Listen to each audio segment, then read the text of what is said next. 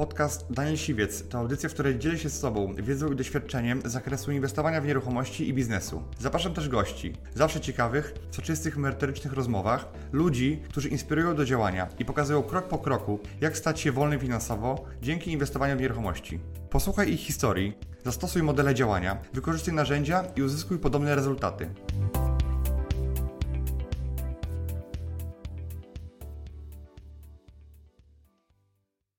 Czym są zadłużone mieszkania? Jak można pomóc dłużnikowi?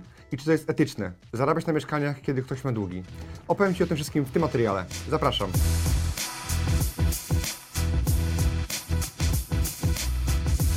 Wiele osób pyta mnie, jak można kupić tanie mieszkanie okazyjnie, najlepiej zadłużone. Ludzie pytają, czy to jest etyczne, żeby kupować od kogoś mieszkanie poniżej wartości rynkowej, dlatego że ktoś ma długi, ktoś ma problemy i potrzebuje szybko pieniędzy. To wszystko zależy od, od punktu widzenia. Chciałbym Wam przedstawić teraz mój punkt widzenia, osoby, która jest na tym rynku od ponad 10 lat i kupuje takie mieszkania od wielu, wielu lat i jak to wygląda z mojej perspektywy, ale jak to wygląda też z perspektywy tego dłużnika. Jednym z moich pierwszych mieszkań, które kupowałem, e, było właśnie mieszkanie zadłużone, którego właścicielem był pewien starszy pan. I jego problem polega na, na, tym, że on mieszkanie zadłużył y, na kwotę około 300 tysięcy złotych i spółdzielnia oczywiście próbowała coś z tym zrobić, więc podała go do sądu, próbowała mu ten lo lokal zabrać, zlicytować. Ja mu wtedy złożyłem ofertę pomocy, ofertę y, taką, że spłacę mu jego zadłużenie i za resztę pieniędzy y, kupimy jakąś kawalerkę albo kupimy mieszkanie pod miastem, albo dostanie pieniądze. To już zależy od tego, co sobie wybierze. No on się chwilę zastanawiał, następnie przeprosił mnie i po prostu nie skorzystał z mojej pomocy. Powiedział, że jemu kolega pożyczy pieniądze na dobrych warunkach, dogodnych yy, i jakby temat yy, muszę sobie odpuścić. Więc ja sobie temat odpuściłem. Jakież było moje zdziwienie, kiedy zadzwonił do mnie po jakichś dwóch, trzech yy, tygodniach, prosząc mnie dosłownie o pomoc, mówiąc, że jego kolega ze szkolnych lat e, go oszukał, że pożyczył mu kwotę, co prawda 300 tysięcy złotych, ale za chwilę żądał kwotę 60 tysięcy albo i więcej, i żeby, że czy moja oferta jest dalej aktualna, żebym mu pomógł tą, tą całą sytuacją się uporać yy, i jakby uwolnić się od tego kolegi, który się okazało, że chciał na nim zarobić y, bardzo dużo y, i się go trochę bał. Dlatego ja y, tego pana wziąłem pod swoje skrzydła i on miał takie problemy, że miał mieszkanie, które było puste, około 50 metrów, które ja kupiłem. Mieszkanie było totalną ruiną do totalnego remontu. On, jego historia była taka, że on był malarzem. On był bardzo inteligentną, utalentowaną osobą, natomiast miał pewne problemy, takie jak e, alkoholizm e, albo nadużywał tego alkoholu. E, miał jeszcze, miał rozwiódł się z żoną, żona zabrała jego dziecko do Krakowa, rzadko widywał się z synem, więc domniemuje, że popadł w jakąś depresję. Jego twórczość nie miała ujęcia w obrazach, które wcześniej z powodzeniem sprzedawał, więc malował gdzie się dało, malował, pomalował pędzlami praktycznie całe mieszkanie. I kiedy ja je kupiłem, ono po prostu było w stanie tragicznym, było e, jednym z gorszych mieszkań, które, które, e, które kupiłem. I no, zapach był taki, e, no nie, było niewietrzone i pamiętam jak do dziś ten ostry zapach czosnku, tak? Ten właściciel sobie upodobał czosnek i po prostu jadł go na każdym kroku. Z tą osobą e, dosyć dobrze e, zaprzyjaźniłem, mimo tego, że była wielka różnica wieku. I powiedziałem, że jak najbardziej pomogę mu spłacić tego kolegę, jego pieniądze mu oddam, a za resztę spróbujemy coś zrobić. Czy znaleźć jakieś mieszkanie na wynajem, czy kupić jakieś mieszkanie pod miastem. I tak też się stało. On mi zaufał, ja, ja mu pomogłem, wykupiłem do jego mieszkanie, oddłużyłem je, oddałem pieniądze temu, tej osobie, która mu pożyczyła i ta osoba, mimo tego, że uzyskała tylko część wartości tego mieszkania, to tak naprawdę mogła pójść od razu, y, ułożyć sobie życie. On powiedział, że on wiele lat pracował we Francji, jeździł po świecie, był bardzo y, osobą taką odczytaną, zna wiele języków y, i powiedział, że te pieniądze będą dla niego dobrym startem gdzieś indziej. Powiedział, że pojedzie na Bałkany czy do Gruzji. Po 10 latach praktycznie od naszego, naszej transakcji on odezwał się do mnie na Facebooku, dodał mnie do znajomych i powiedział, że w tym momencie jest w Londynie, pracuje Y, pracuje no, w Londynie, nieźle mu idzie y, i skończył kurs Social Media and Marketing i może mi teraz pomóc budować moją markę osobistą. Tak? Przypomnę jeszcze, że 10 lat temu jeszcze całkiem źle mu szło. Tak naprawdę no, chylił się ku upadkowi, a już po 10 latach osoba po 7 miesiące grubo e, proponowała mi swoje konsultacje w marketingu e, internetowym, więc jakby można powiedzieć, że mm, przeszedł człowiek ogromną przemianę i cieszę się bardzo, y, że, że tak było, bo wiem, że te osoby, którym my pomagamy, my wyciągamy rękę, rozwiązujemy ich problemy, one gdyby zostały tam na takim przysłowiowym dnie y, z tymi swoimi problemami, często te mieszkania, które tam są, one te problemy w pewien sposób przypominają ich o tych problemach, bo one tam się właśnie działy, czy tam się działy różne problemy małżeńskie, życiowe, y, a jak ktoś wychodzi do nowego otoczenia, to często jest w nowym środowisku i może sobie tą sytuację ułożyć na nowo. E, więc jakby chcę Wam powiedzieć, że Zazwyczaj jest tak, że te osoby, którym pomagamy spłacić ich długi, wyciągamy do nich rękę, załatwiamy wszystkie formalności, one później są dla nas bardzo wdzięczne. Czasem dają nam jakieś czekoladki, alkohol, za to, że ktoś im po prostu wziął ich sprawy w swoje ręce i im pomógł. Praktycznie nie mamy żadnych reklamacji, nie mamy osób, które są niezadowolone, bo my staramy się znaleźć, nie wykorzystać te osoby, tylko znaleźć sytuację, w której one y, mają lepsze warunki zbycia nieruchomości, wyjścia z problemów, bo jeżeli oni dalej zostaną w tej pętli długu, to tak naprawdę y, ta machina egzekucji zje ich, zmieli tak naprawdę nic nie zostanie.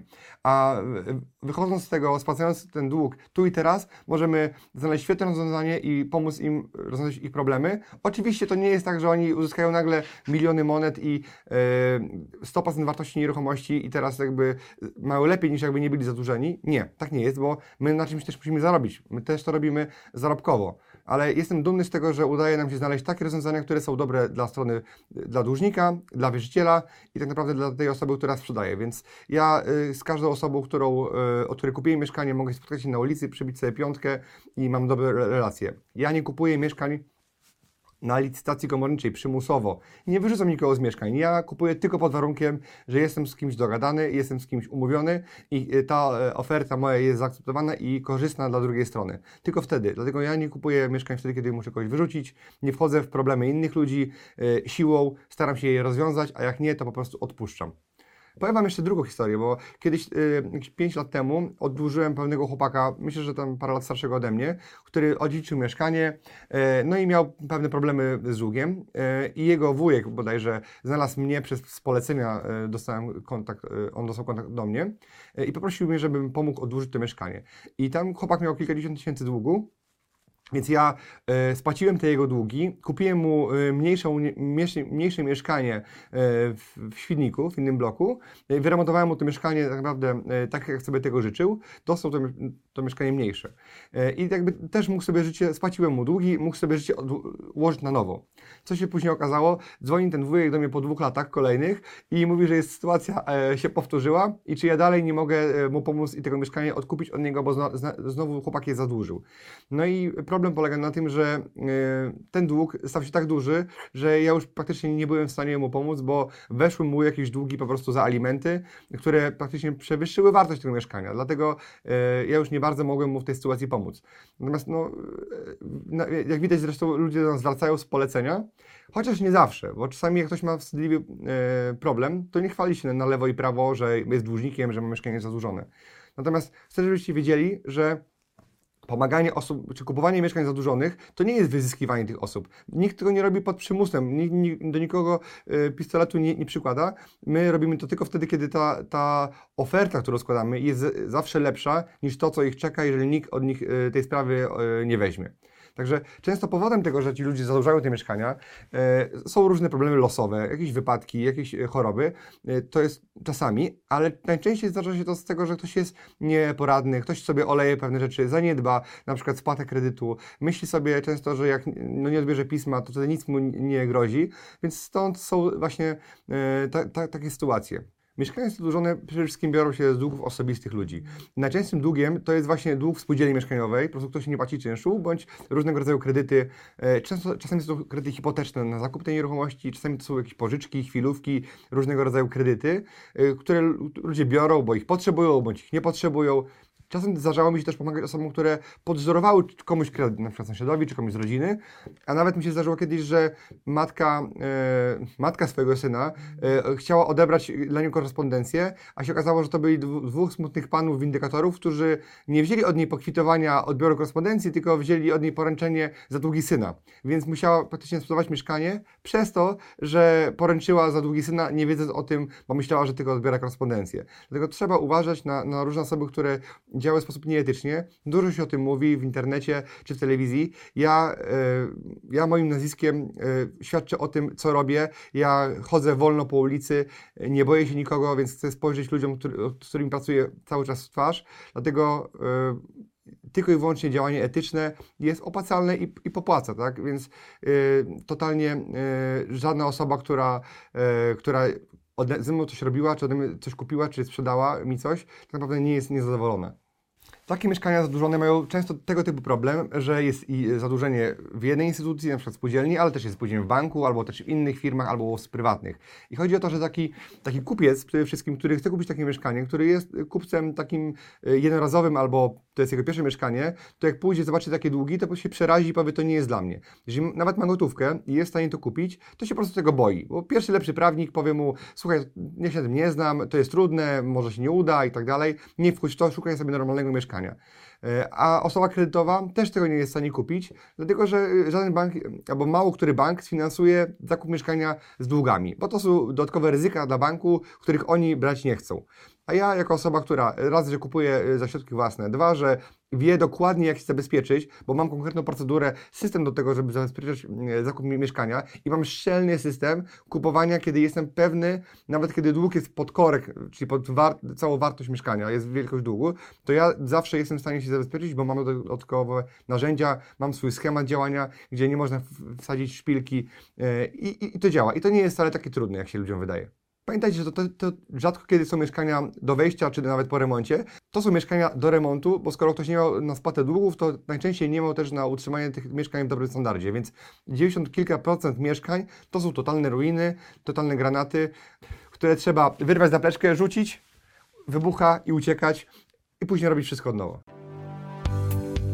Dziękuję Ci, że wysłuchałeś do końca. Jeśli ten podcast był dla Ciebie interesujący, zapraszam do słuchania kolejnych odcinków. A jeśli chcesz jako pierwszy otrzymywać powiadomienia o nowych odcinkach, subskrybuj mój podcast.